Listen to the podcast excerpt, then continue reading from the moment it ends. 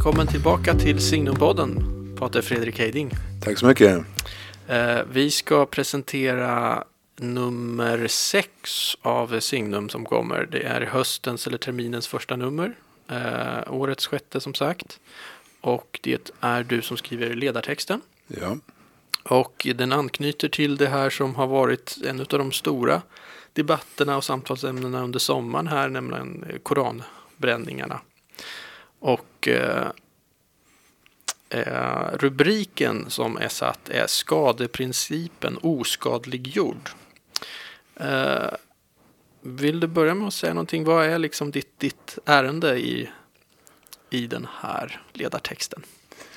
Ja, det finns eh, flera ärenden men eh, huvudbudskapet är att eh, skadeprincipen som Eh, kom fram i under eh, liberalismen på 1800-talet, men det fanns även tidigare, eh, att den har försvunnit ur, ur debatten. Ehm, och den innebär ju att en individ får yttra vilken åsikt som helst och ansluta sig till den gemenskap som han eller hon vill tillhöra, välja en livsväg och så vidare. Säger John Stuart Mill, eh, som då var en av de viktiga eh, liberala eh, tänkarna, filosoferna. Han skrev en bok som heter Om friheten 1895. Det fanns andra också.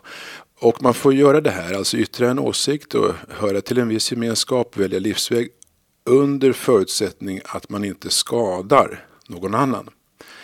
Eh, och sen har John Stuart Mill också eh, en annan reservation för vad man kan eh, säga i det offentliga rummet och man får då inte uppvigla, alltså hetsa upp, ägga upp den, de egna anhängarna eller göra motsvarande aktion som så att säga jagar upp motståndarna. Men, men huvudsaken här är att det finns en reservation för vad man kan uttala sig om och yttra och det är att det får inte skada någon annan. Du får, du får inte, och skada inte här liksom riktigt i fysisk mening. För att de, han använder ordet to, not to harm. Mm. Eller not to hurt. Mm. Eh, och inte not to damage. Ja, För damage är ju mer fysiskt.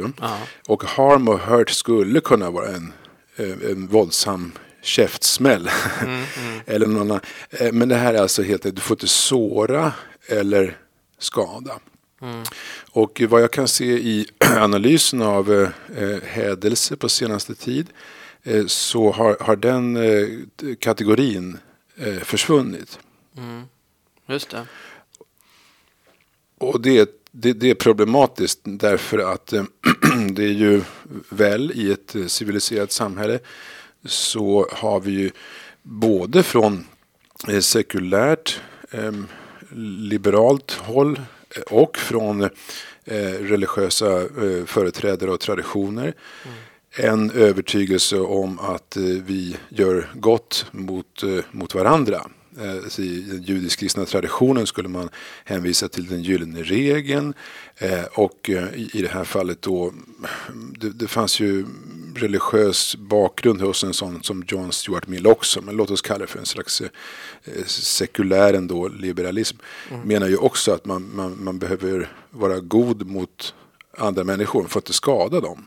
Mm. Och om den eh, instinkten, den övertygelsen försvinner så förråas eh, samhället. Mm. Och det är ju ganska uppenbart med de här koranbränningarna vi har sett eh, senaste tiden här att själva syftet med dem är ju, skulle jag vilja säga, att så, om inte såra så att liksom markera någonstans liksom eh, mot den här gruppen, alltså mot muslimer. Så att själva syftet tycks ju vara att hurt då. Uh, ja, den, eller hur ska man annars tolka det? Ja, alltså den, den, eh, enkla eller uppenbara tolkningen är ju att eh, det finns en åverkan här. Det finns en, en, en skada som åsamkas mm. den muslimska gruppen men även andra andra, i samhället. Och jag pläderar för att man kan använda ett slags objektiva kriterier. Mm. Det vill säga det, eh, muslimerna i en moské eller, eller på annan ort behöver inte um, uttrycka att de känner sig sårade. Mm. Så upplevelsen av om man blir sårad eller inte eh, och graden av smärta så säga, ska inte styra huruvida det här bedöms som en, en, en, en skada som åsamkas. Utan det kan man använda andra observationer eller tolkningar att det är uppenbart mm, objektivt mm. sett.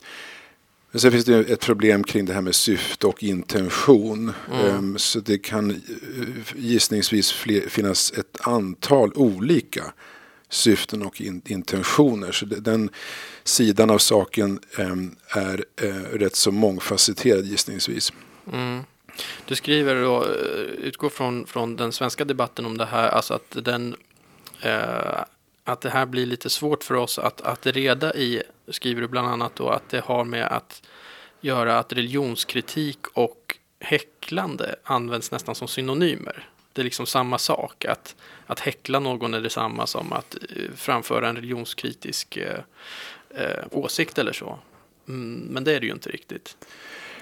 Eh, eh, precis, det är ju eh, att, att skada någon eller att såra någon, någon gemenskap.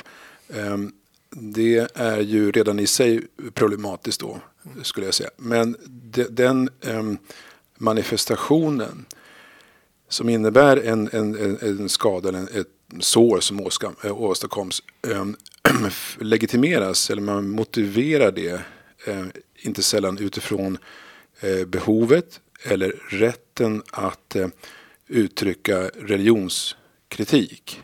Man mm. måste kunna mm. få bränna Koranen därför att det är en, eh, en, en, nödvändigt att ha möjligheten att kritisera en religion. Men då blir de som, som precis, de, då blir som synonymer att kritisera respektive å andra sidan att eh, uttrycka avsky hatpropaganda. De blandas ihop, det märker man eh, ständigt i, i diskussionen. Och det är ju inte samma sak. Att eh, sakligt framföra kritik med argument, mm. Eh, det är du van vid också i dina artiklar och eh, böcker och sådär.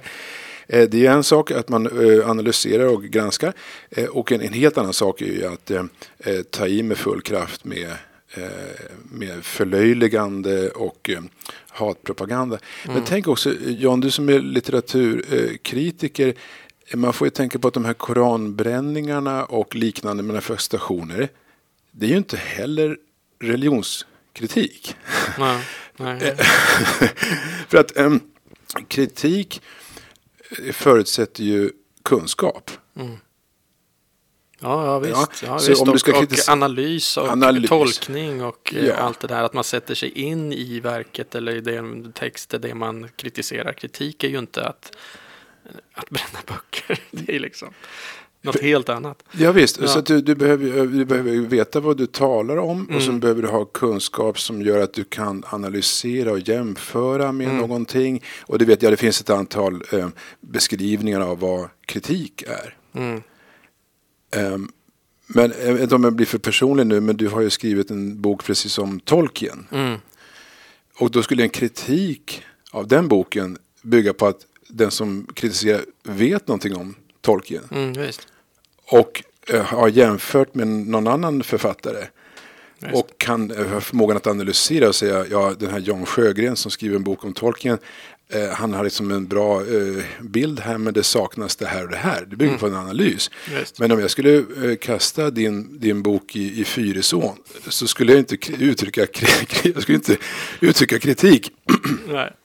Och då skulle jag också bli det, det skulle jag ju ta som ett angrepp mot mig också i en annan, på ett helt annat sätt. ja. För att det markerar någonting personligt då mer ju även om liksom, boken inte är jag så är det ju en, en så stark liksom, handling att det skulle, jag skulle ju uppleva det som sårande, vilket jag ju inte skulle göra. Uh, en saklig kritik av boken skulle jag inte ta om personligt. Just det. Utan precis. det skulle jag ju, det är ju snarare någonting som man upplever som värdefullt. Ja, att någon det... har läst och, och, och gjort en liksom redig och ordentlig analys och tolkning. Det är ju något helt annat. Ja, mm. precis. Och, och, det, kan, det kan du som författare i det här fallet bemöta vid något eh, seminarium eller vad vet jag. Eh, och säga ja, absolut, det här är ett värdefullt perspektiv. Å andra mm. sidan så har vi den här eh, synen på det. Så det, och då uppstår också dialog som väl är det som vi vill åt. Vi, vilka är vi? Ja, alltså, sådana, som, sådana så kloka, fina människor som du och jag. Ja, Nej, men ja, alltså, ja. Idealet är väl på något sätt att få till en dialog, att, att man kan ha ett kritiskt samtal. Vilket är något annat. Att man kan ju såklart vara kritisk mot religion och mot islam och mot, alla, liksom mot allt. Men det är ju det också som föder fram nya liksom, idéer och det är så det ska fungera helt enkelt. Ja. Eh, just det, och eh, eh, precis. Och i, i den här ledaren så, så ställer jag ett slags retorisk fråga om den här skadeprincipen fortfarande gäller även mm. om den inte finns med i debatten.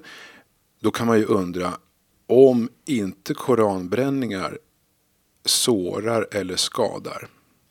Hur mycket aggression och våld måste då till för att det ska klassificeras som, mm. som hädelse eller sårande. Ja, just det. Vad är nästa steg då? Ja, hur, hur upptrissad behöver eh, mm.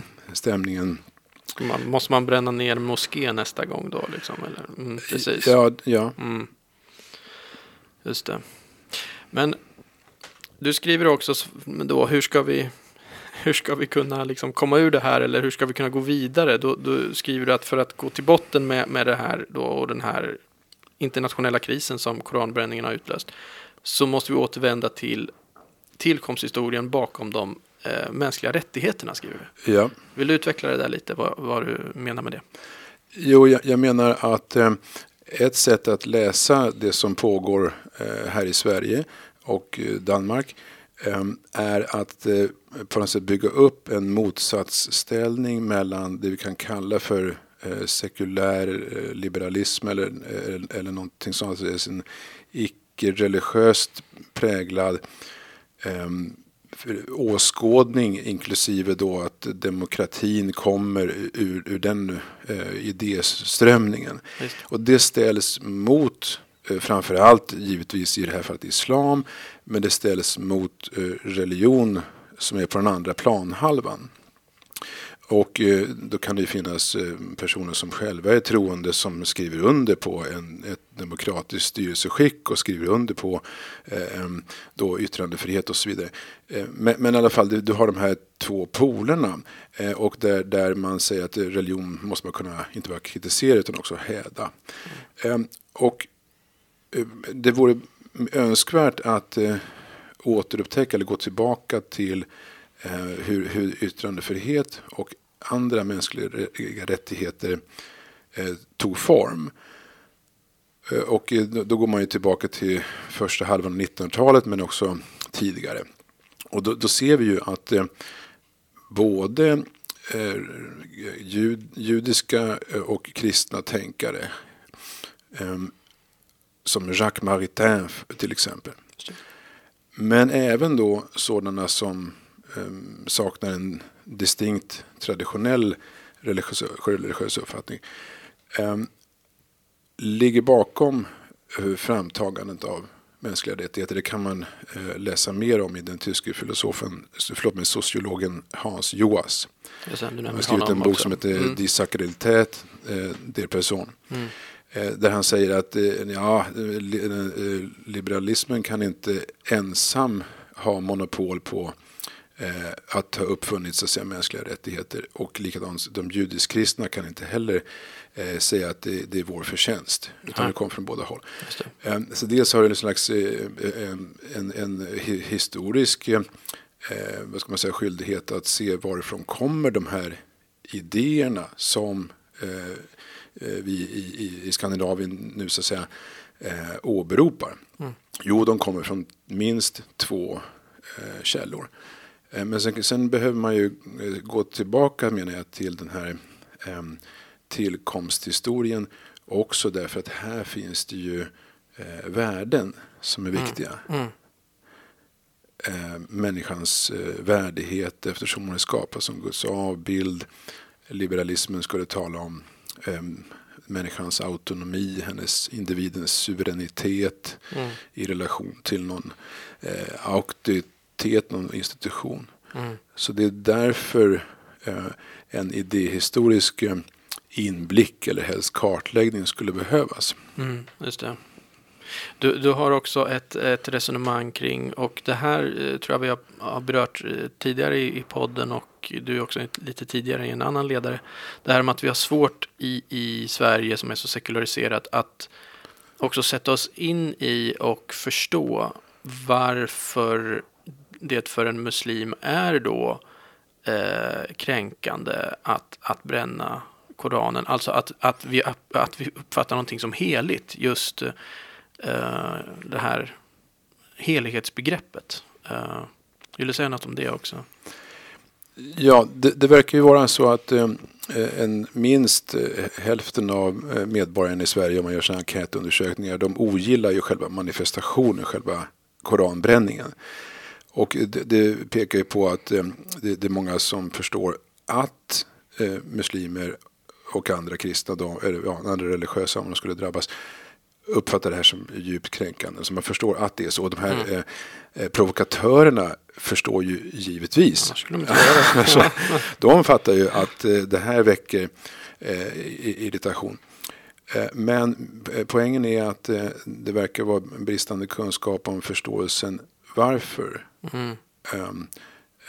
det- blir eh, rabalder och de här eh, reaktionerna. Just. Eh, Så till exempel kan man ju nämna då att så vitt jag förstår islam så är Koranen ett slags förkroppsligande av Allah. Mm. Mm. Så, så i, i katolsk tro så har vi på motsvarande sida mera sakramenten, det vill säga det förvandlade brödet och det förvandlade vinet, Kristi kropp och blod. eh, Men även andra, eh, biktens sakrament är så heligt så att man kan sig, sig inte störta in i, i, i biktstolen och, och, och, och sitta där och lyssna eller ja, ja, ska, Nej, okej. Nej. Och jag Så- menar, och det kan ju varje katolik tänka sig in i om någon skulle liksom Ja. handskas med det invigda nattvardsbrödet på ett, på ett liksom sätt som skulle vara kränkande. Alltså det, det, skulle, det, det känns ju i hjärtat tror jag på varje katolik. Va? Precis. Eh, Precis. så där, någon- där kan man ju verkligen förstå, men det kan vara svårt då för en utomstående. Ja, jag, jag tror det för att eh, för att det är liksom, det är, det är, för, för kristna är ju Bibeln en helig bok, det är Guds Mm. ord. Men hos muslimerna är det ett, ytterligare ett steg Mm, att det starkare för att du har ett slags inkarnation förkroppsligande där. Mm. Ehm, och, eh, men sen tror jag också att eh, den här bri- bristande förståelsen varför någonting uppfattas som vördnadsbjudande eller respektingivande hänger ihop med att eh, generellt sett, mycket generellt sett så har eh, kontakten och praktiken som har med det som är heligt att göra suddats ut eller Mm. eh, blivit lite omedvetet. Mm. Det finns ett antal eh, saker och ting och personer i, i samhället som man uppfattar som heliga. Mm. Men du har inte riktigt ett eh, artikulerat eh, ad- adekvat språk. Nej. Men handlar det om, det där är ju svårt. Hur ska, hur, hur ska man få människor att förstå det? Kan man beskriva det liksom? Kan man, kan man göra det rent eh, intellektuellt så att, säga, att man kan mm, väcka en förståelse för det heliga? På det här sakramentala sättet. Liksom. Det finns flera sätt, eh, tror jag.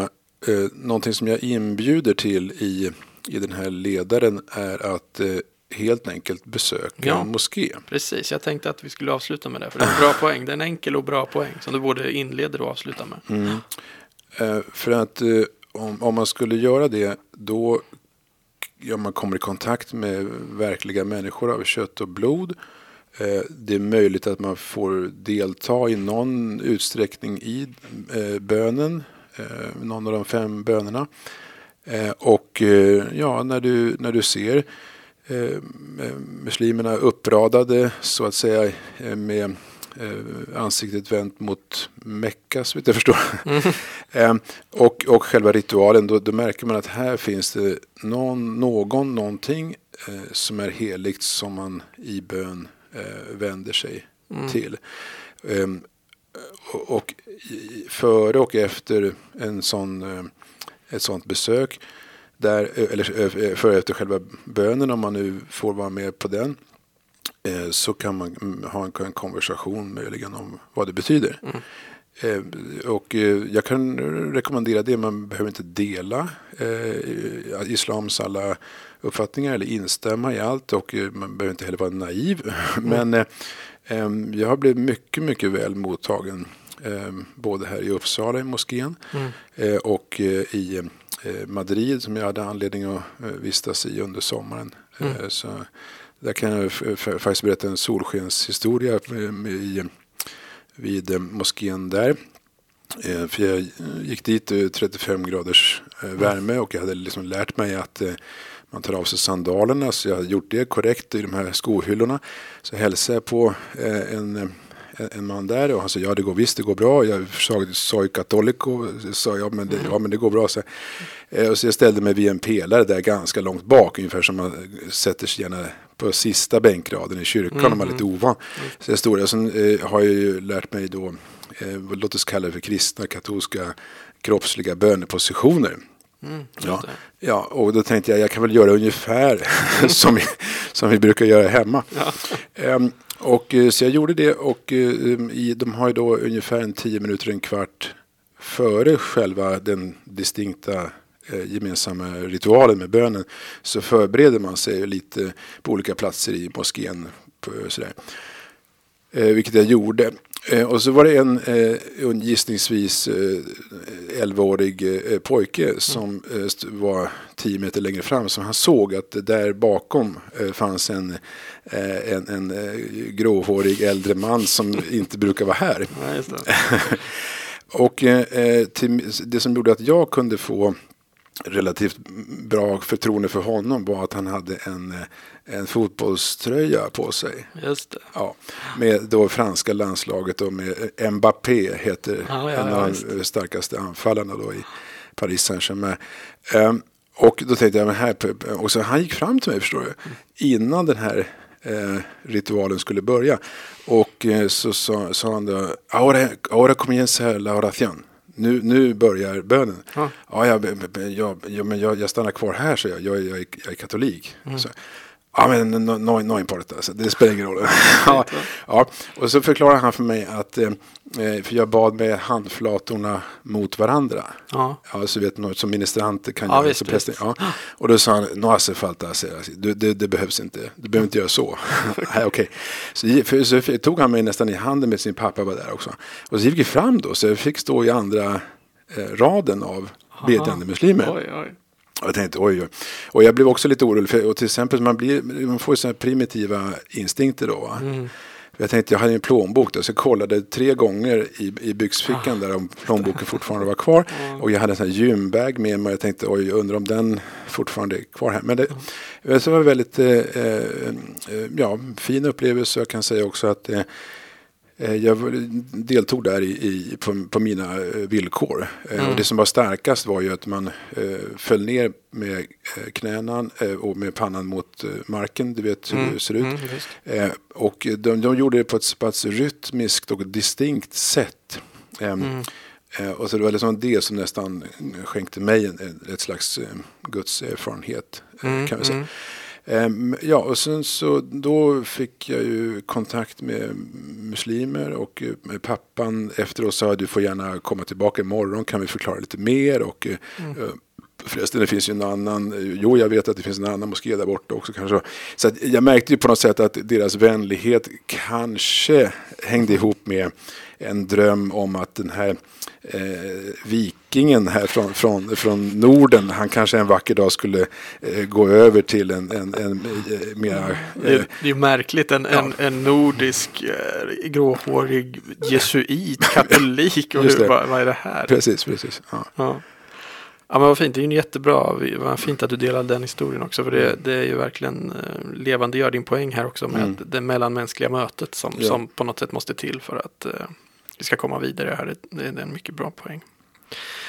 Ja, men eh, tack där för, för ledaren. Vi kan väl bara säga Eh, och det här är ju ett sånt här ett stort ämne. Vi kommer säkert ha anledning att komma tillbaka till de här frågorna. Och det kom, debatten även i andra medier kommer ju med stor sannolikhet eh, fortsätta.